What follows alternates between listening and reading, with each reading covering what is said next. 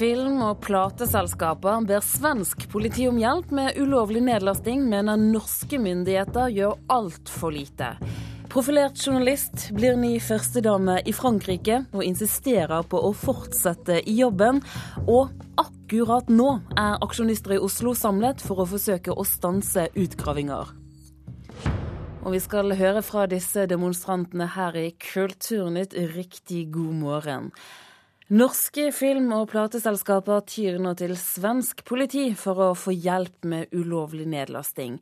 Politimyndighetene i Sverige har en egen spesialenhet på dette feltet, men av norsk politi så blir ikke denne typen kriminalitet prioritert.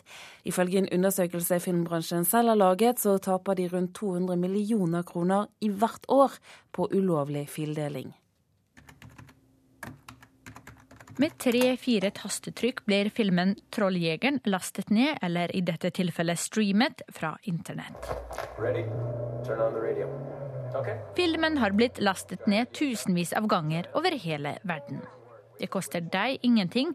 Det som derimot koster, er å etterforske denne kriminelle handlingen. Folk vil jo alltid prøve å finne naturlige forklaringer på sånne ting. Pga. manglende ressurser har etterforskningen av denne saken, i likhet med de fleste andre fildelingssaker, blitt henlagt av politiet. Det ble henlagt. Sier advokat Rune Jostad, som representerer norske rettighetshavere. Eh, og, og, det er det frustrerende for rettighetshaverne i dette. altså De kan gå til oss, og vi har da inntil nylig i hvert fall kunnet dokumentere disse krenkelsene. Eh, men eh, det vi har kunnet gjøre utover det, har vært å sende en politianmeldelse, som dessverre i alle tilfeller, så å si, har blitt henlagt. Det eneste andre alternativet har vært sivile søksmål. Og som jeg nevnte tidligere, så er det Eh, i de fleste saker et eh, for sterkt inngrep og for belastende inngrep både for rettighetshaver og for, for den som stått for krenkelsen. Selv med lovlige streamingtjenester som Vimp og Spotify fortsetter den ulovlige nedlastingen av film og musikk. Norge har blitt et fristed for nettpirater, sier Erik Hillestad, daglig leder i plateselskapet Kirkelig kulturverksted. Så Norge er blitt et smutthull. Det har jeg helt fra konkrete uttalelser fra de svenske og danske partnerne som også jobber med piratvirksomheten og forsøker å dempe og begrense den.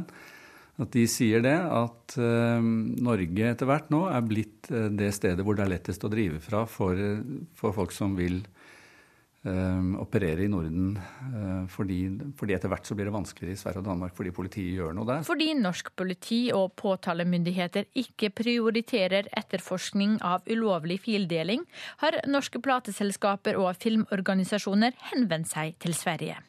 For det finnes en egen spesialenhet som jobber med dette feltet. Da har rettighetshaverne sagt at vi vender oss til dere, ettersom de i Norge ikke det hender liksom ingenting. Det finnes ingen enhet å anvende det til. Det er lett å flytte en server fra ett land til et annet. Det er ikke like lett å samarbeide over landegrensene.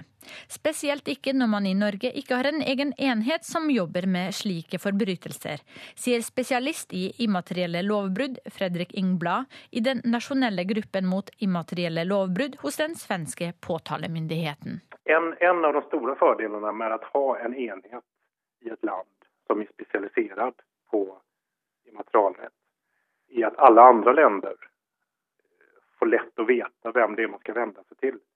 Ibland kan det være jättesvårt når man vänder seg til andre länder att veta vem är det som har hand om de her brotten. Hvem er det som bestemmer? Vi har vel ikke så, vi har haft visst samarbete med Norge, men ikke jättemycket samarbete med Norge.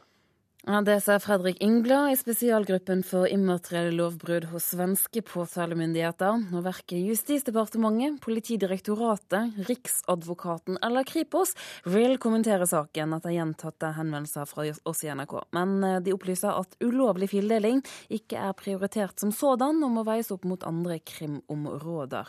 Reporter, det var Sofia Pasjkiewicz. Politiets sikkerhetstjeneste er rammet av dataangrep, det skriver VG. Hackere har angrepet nettsiden som nå ligger nede, men politiets databaser er, frem, er ikke angrepet. Hackerne skal også ha rammet Norsk Tipping, aller Internett, blogg, NO og Webhuset, og flere av virksomhetene har anmeldt over angrepene til Kripos.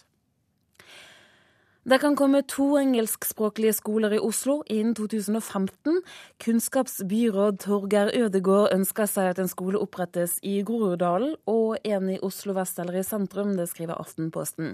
Alle elevene i hovedstaden skal kunne søke seg til disse skolene, men målgruppen er utenlandske barn som kun bor i Norge i en periode, eller Oslo-elever som har ambisjoner om utenlandsstudier i fremtiden. Norge er i finalen i Eurovisjonens prestisjetunge konkurranse for unge musikere. Den norske bratsjisten Eivind Holtsmark Ringstad er en av sju musikere som har gått til finalen. Skal fremføre en fiolinkonsert av Bella Bartok. Finalen er på fredag på Rådhusplassen i Wien, og den overføres direkte på NRK1.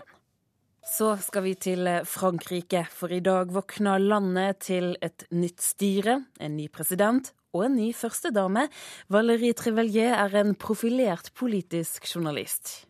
Je suis euh, très très émue, c'est même indescriptible. Je suis très émue. Merci. Voilà, il faudra, je crois, plusieurs jours pour se rendre compte de ce qui se passe. Merci beaucoup. Voilà, C'était une réaction en direct de Valérie Trierweiler, qui est la compagne de François Dette var den første reaksjonen fra samboeren til Francois Hollande. Erik Aasheim i Paris, hvem er denne førstedamen? Ja, du, aller først så sa hun her at jeg er veldig rørt, og det vil gå flere dager før, jeg, før det går opp for meg hva som har skjedd, eh, sa da Valérie Trierweiler. Eh, altså her, Det er et vanskelig navn, som også franskmenn nå øver seg på å uttale rett. 47-åringen eh, er journalist i Frankrikes største ukeblad Paris Match, som er en blanding av Se og Hør og A-magasinet. Og hun er også programleder i TV-kanalen Direct 8. Det er altså en politisk journalist som nå overtar plassen til den tidligere supermodellen eh, Carla Bruni politisk journalist, og også profilert. Hvor oppsiktsvekkende er det at førstedamen er så en profilert journalist? Ja, litt rolleblanding er man jo vant med i dette eh, landet her. Valerie Valérie Trier-Weiler hun sier selv at hun har et ben i hvert leir, og føler seg ikke helt vel med det, innrømmer hun. Hun har vært politisk journalist i 20 år, og i, i, og i Paris Match så begynte hun eh, å jobbe med kultur når samboeren ble presidentkandidat, for i kultursektoren ville det ikke være noen interessekonflikter, sier hun. Men hun hadde inntil for ikke så lenge siden et et program på eh, TV-kanalen Direktuitt om presidentvalget. Hun lagde portrettprogrammer, og kandidaten på ytterste venstreside, Jean-Luc Mélenchon, han var rasende på et av hennes programmer, eh, der han mente at hun gjorde det hun kunne for å sverte ham, og, og, han var opprørt over at samboeren til en annen kandidat kunne faktisk jobbe som journalist. Hun skjønte selv etter hvert at det kanskje ikke var så smart, og trakk seg som da TV-programleder. Men, men, men hva slags rolle har hun spilt? i valgkampen? Hun har vært veldig diskré. Ehm, det var først i går kveld at vi så henne på en scene sammen med eh, samboeren. Til og med et lite kyss ga de hverandre på Place de la Bastille i natt. Eh, det som har overrasket Valérie Trierweiler mest selv, det, det, er at hennes egen arbeidsgiver eh, Paris Match for noen uker siden hadde henne på hele førstesiden. En reportasje om deres kjærlighetsforhold med en rekke private bilder. Hun visste ikke om dette selv, og, og sendte en melding på Twitter, der hun for øvrig er ganske aktiv og skrev at hun fant det ganske absurd. Men eh, sjefredaktøren i Paris Match han svarte at eh, Valérie, som den profesjonelle journalisten hun er, hun burde være den første til å forstå pressens uavhengighet. Men eh, hva, skal, hva kan Frankrike vente seg, eller hva slags førstedame blir hun? Ja, Hun har ikke funnet noen eh, førstedameskole, sier hun selv. Eh, hun, eh, hun sier at hun, hun, vil bli en ekspert på dagliglivet. Hun, hun har jo tre barn fra et tidligere ekteskap å ta seg av, og under reisene så har hun møtt mange folk som har gjort inntrykk på henne, og da har hun lovet å komme tilbake, enten som journalist for å lage en reportasje, eller som førstedame for å prøve å hjelpe, har hun selv sagt. Og, og, og som journalist har hun møtt en rekke presidenter både i Frankrike og verden over. Og og, hun sier at det har ført til at hun har blitt lite fascinert av makt. Men hun vil revolusjonere førstedamerollen, for hun vil bli den første som insisterer på å fortsatt ha en vanlig jobb, og da som journalist. Erik Aasheim, takk for at du var med oss eh, fra Paris. Klokken den har passert 8.15. Du lytter til Nyhetsmorgen i NRK P2 og Alltid nyheter. Og som vi hørte Erik Aasheim fortelle, det var full fest på Bastilleplassen i Paris i natt. Frankrike har fått sin første sosialistiske president siden 1988. I dag forklarer utenriksminister Jonas Gahr Støre seg om Tschudi-saken for Stortinget, og blir med oss videre her i Kulturnytt. For Nidarosdomens guttekor og Sølvguttene har nå begravd stridsøksen. I helgen sang de sammen for aller første gang. Akkurat nå, i Ekebergskogen i Oslo, så er aksjonister samlet for å forsøke å stoppe maskiner og mannskap som skal starte arkeologiske utgravinger. Disse utgravingene er en del av forarbeidet til den omstridte skulpturparken som Oslo kommune har bestemt at forretningsmann Christian Ringnild skal få lov til å anlegge i skogen. Artist Celine Nergård er en av dem som har kastet seg inn i kampen for bevaring. Så jeg... Eh synes det er så fint å ha et sted hvor jeg kan gå og nullstille meg helt. Silje Nergård er bare én av alle naboene til Ekebergskogen som engasjerer seg i et forsøk på å stanse planene om skulpturpark, gondolbane og kafeer i området. Når vi møter henne inne i skogen, viser flere av de som går og jogger forbi, tommel opp når de skjønner hva det prates om. Håpet er at det fortsatt ikke er for sent å kjempe for byskogen. Et sted Silje Nergård bruker flittig når hun skaper musikk. Når jeg gjør intervju i andre land, så spør de ofte hvordan jeg ble inspirert til å skrive musikk. Og da sier jeg at uh, jeg går ut i, skogen som jeg har utenfor huset mitt. Og så ser du på meg med overrasket blikk og, store øyne og spør om det virkelig fins en skog midt i Oslo. Og det er unikt i internasjonal sammenheng å ha en skog. En park, derimot, det har de fleste byer. Vil du trekke det så langt og si at vi kan gå glipp av mye god musikk eh, fra deg hvis du, eh, skogen forsvinner og inspirasjonen forsvinner med den? Musikk kommer jo eh, innenfra, men mye av det jeg har laget, har begynt her i skogen. Og jeg har hatt det med meg her, hørt på det, tenkt på det og eh, i det hele tatt brukt eh, naturen eh, i musikken. Det har jeg. Kulturbyråd i Oslo, Halstein Bjerke, sier derimot at det nok er for sent for aksjonistene. Denne saken er jo nå avgjort av eh, bystyret. Reguleringsplanen er vedtatt. og og de som eh, driver skjøtsel i området nå, og arkeologiske utgravninger, de gjør jo det i, i tråd med den vedtatte reguleringsplanen og i tråd med skjøtselsplanen for området som kommunen også har vært med å legge føringer for. Så, så jeg tror nok det er for sent med protester nå, men jeg har forståelse for engasjementet. Kulturbyråden mener folkeaksjonen for Ekebergskogen overdriver når de sier skulpturparkplanene vil ødelegge skogen.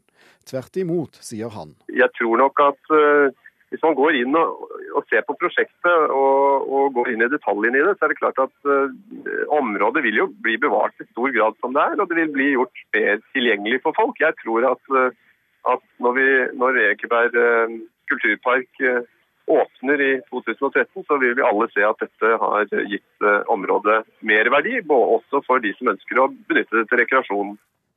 Reporter her, det var Thomas Alverstein Ove. Og aksjonistene i Ekebergskogen de startet for en time siden. Reporter Frida Vik, du er der. Hva er det som skjer? Nei til park! Ja til skogen! Nei til park! Ja til skogen! Nei til park! Ja, her er folk i full gang med kamprop. Vi har gått eh, litt opp i skogen bak Ekebergrestauranten. Eh, den er litt tynnere der vi står. Eh, på bakken ligger sagflis, og det står stubber ut av eh, marka. Rundt meg har jeg 30 personer som har kledd godt på seg. De har tenkt å stå her for å beskytte skogen mot gravemaskinene som kommer i løpet av dagen. Nå har jeg Hedvig Kaspersen. Du er en av dem som ikke har tenkt å dra hjem på en stund. Uh, ja, uh, jeg bor her sammen med noen andre fra diverse miljøer som engasjerer seg for samme sak. Uh, det var en kompis som fortalte meg Jeg møtte han tilfeldigvis på trykken, faktisk. Fortalte han meg om dette her, og så dro jeg opp, og så bestemte jeg meg for at det her skal jeg slåss for. Ja, for du drar altså ikke hjem. Du er og vokter skogen døgnet rundt? Ja, jeg har sovet her i tre dager ca. Så etter hvert som sommeren kommer, så har jeg tenkt å vokte her heltid for å passe på at det ikke kommer noen. Men eh, hvorfor er det så viktig å unngå at det blir skulpturpark eh, i, eh, i skogen her? Jeg personlig mener at skog generelt, det er noe av det viktigste vi har. Og spesielt for Oslo, som utvider seg og blir en større by, så er skog noe av det vi trenger mest. Jeg mener, Du kan alltid lage en park, men du kan ikke lage en skog. Hedvig har da vokst opp her i skogen og har minner både fra aketurer om vinteren og skogsturer med hunden om sommeren. Men eh, jeg har også med meg Marianne Sunne, du er leder for eh, aksjonen her i dag. Eh, hva gjør dere når gravemaskinene kommer? Da vil vi snakke med de arkeologene som kommer, som vi er sikre på er skikkelige mennesker. Og få de til å forstå at det er helt feil å gå inn med gravemaskiner i et område med automatisk verna kulturminner. Det er blitt gitt dispensasjon fra kulturminneloven for at Christian Ringnes skal få bygge vannspeil og paviljong og sette ut 80 skulpturer etc. Og vi mener at dette her er helt feil. Men eh, hva hvis eh, disse arkeologene ikke vil høre på dere? Vi tror at vi vil bli hørt i denne saken når informasjon kommer fram. Det er mange som har svikta i denne saken, først og fremst politikerne i Oslo bystyre. Men vi har òg vi har òg hatt vansker med å komme gjennom i media. Når vi får fram hva som er sannheten i denne saken her, så er vi sikre på det at eh, vi vil bli hørt og at dette blir stoppa. For man kan ikke behandle klagene etter at trærne er felt og skogen er gravd opp. Eh, ja, folk har eh, kledd på seg godt. De står med kaffekoppen i handa og termosen er med. Så planen er å stå her så lenge det trengs. Vi får ønske dem lykke til. Og så sier vi takk til vår reporter Frida Vik på en litt skrapete linje fra Ekebergåsen i Oslo.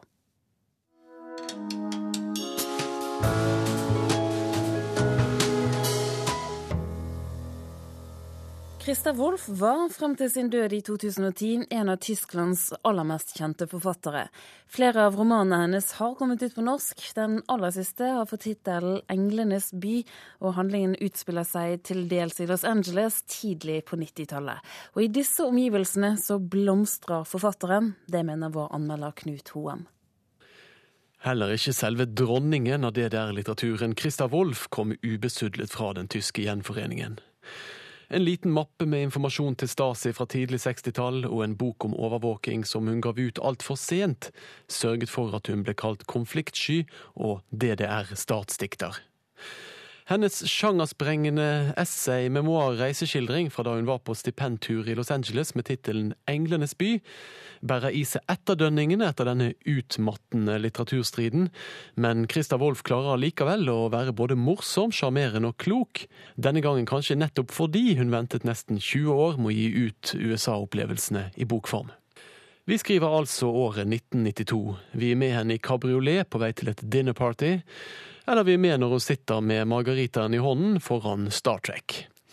Og vi er med når hun finner en sjelsfrend i en utvandret, noe yngre tysk nabo, og i dialogen mellom dem pipler historien ut. Hun tar oss med tilbake til når sønnen forteller henne at Berlinmuren er åpnet og hun ikke klarer å komme på en adekvat reaksjon, og vi er med når saksbehandleren i Stasi-arkivet ser plaget på henne og sier at det finnes en mappe til på henne som er arkivert under gjerningsmenn, ikke ofre. Samtalene stilner gjerne litt når noen i et middagsselskap spør hva med Tyskland, og forventer at Christa Wolff skal svare for et helt land. Men de historiene hun ikke kommer med rundt bordet, deler hun heldigvis med oss. Christa Wolff henviser flittig til eksildiktere i USA, og da spesielt til Thomas Mann og Bertolt Brecht. Brecht versjonerte skuespillet Galileo Galilei bare noen kvartaler bortenfor der hun bor i Los Angeles. Det handler som kjent om motstanden Galileo hadde mot å innordne seg når den katolske kirke forsøkte å få han til å erkjenne at jorden var flat. En tilsvarende standhaftighet og motstandskraft hadde ikke Christa Wolff, men som forfatter har hun sin helt egne stil, som skinner tydelig gjennom i Sverre Dahls gode oversettelse. Den dagbokpregete fortellermåten gir boken et slentrende, ja, jeg hadde nær sagt sommerlig preg. Christa Wolff kler det californiske sollyset. Ja, Det mente Knut Hoem, som har lest 'Englenes by' av Christa Wolff. I 72 år så har de konkurrert om hvem som synger renest og penest, men i helgen så hadde Nidarosdomens guttekor og Sølvguttene begravd stridsøksen. For første gang så sto de to korene nemlig på samme scene. Det var så støvet i den mørkeste kroken i Nidarosdomen fikk bein å gå på da om lag 130 gutte- og mannsstemmer ljoma ut Hendels halleluja. I ei fullsatt domkirke fikk publikum lørdag kveld både se og høre at den årelange knivinga mellom våre to beste guttekor var lagt død. Ifølge Sølvguttenes dirigent Fredrik Otterstad er det en gjensidig respekt som er årsaken til at det tok hele 72 år før korene kunne stå på samme scene. Det har vært en slags uh, uvennskap mellom de to korene, eller litt sånn, hva kaller man det, konkurranse om dem imellom. da. Så ingen har på en måte turt å risikere å være dårligere enn den andre noen gang, tror jeg har vært grunnen. Men det er vi ikke redde for lenger. Det har vi slutta med. Selv om det her er første gangen de to korene synger sammen, så har de faktisk møtt hverandre tidligere. For på en rasteplass i Østerdalen ble det plutselig kamp mellom de to korene, forteller Markus Daasen. Vi har hatt en snøballkrig tidligere, da bussen våre møttes på, på veien en gang. Men det gikk bra. Det var Nidarosdomens guttekor som inviterte Sølvguttene til Trondheim. Det er over 25 år siden sist gjestene fra Oslo sang i nasjonalhelligdommen. For dirigent i Nidarosdomens guttekor, Bjørn Mo, var lørdagens konsert en mulighet til å gi publikum noe helt spesielt. Men også en mulighet til å vise at stridsøksa nå er begravet. Så Vi gleder oss veldig. Vi har jo invitert dem hit. og Guttene bor jo til og med privat hos våre gutter. Så det store vennskapet er der, og det skal også være på konserten. Men for Markus og resten av korguttene var det her en mulighet til å vise hvem som er aller best av de to korene. Vi har jo snakket om eh, Nidarosdomens guttekor før, og vi har diskutert hvem som er best og sånt, men det viser seg at vi er like gode, syns jeg i hvert fall. Reporter her var Jørgen Pettersen. To norske band deltok i Europamesterskapet i brassband i Nederland i helgen, uten at det ble pokal for noen av dem. Mange av musikkland fra Hordaland endte på en sjuendeplass, mens regjeringen er norgesmestere. Eikanger Bjørsvik Musikklag kapret fjerdeplassen. Og med det så er det på tide å gi ordet videre til Nyhetsmorgen og Hege Holm. Kulturnytt i dag var laget av Vidar Sem, Hilde Tosterud og Turi Grønbekk.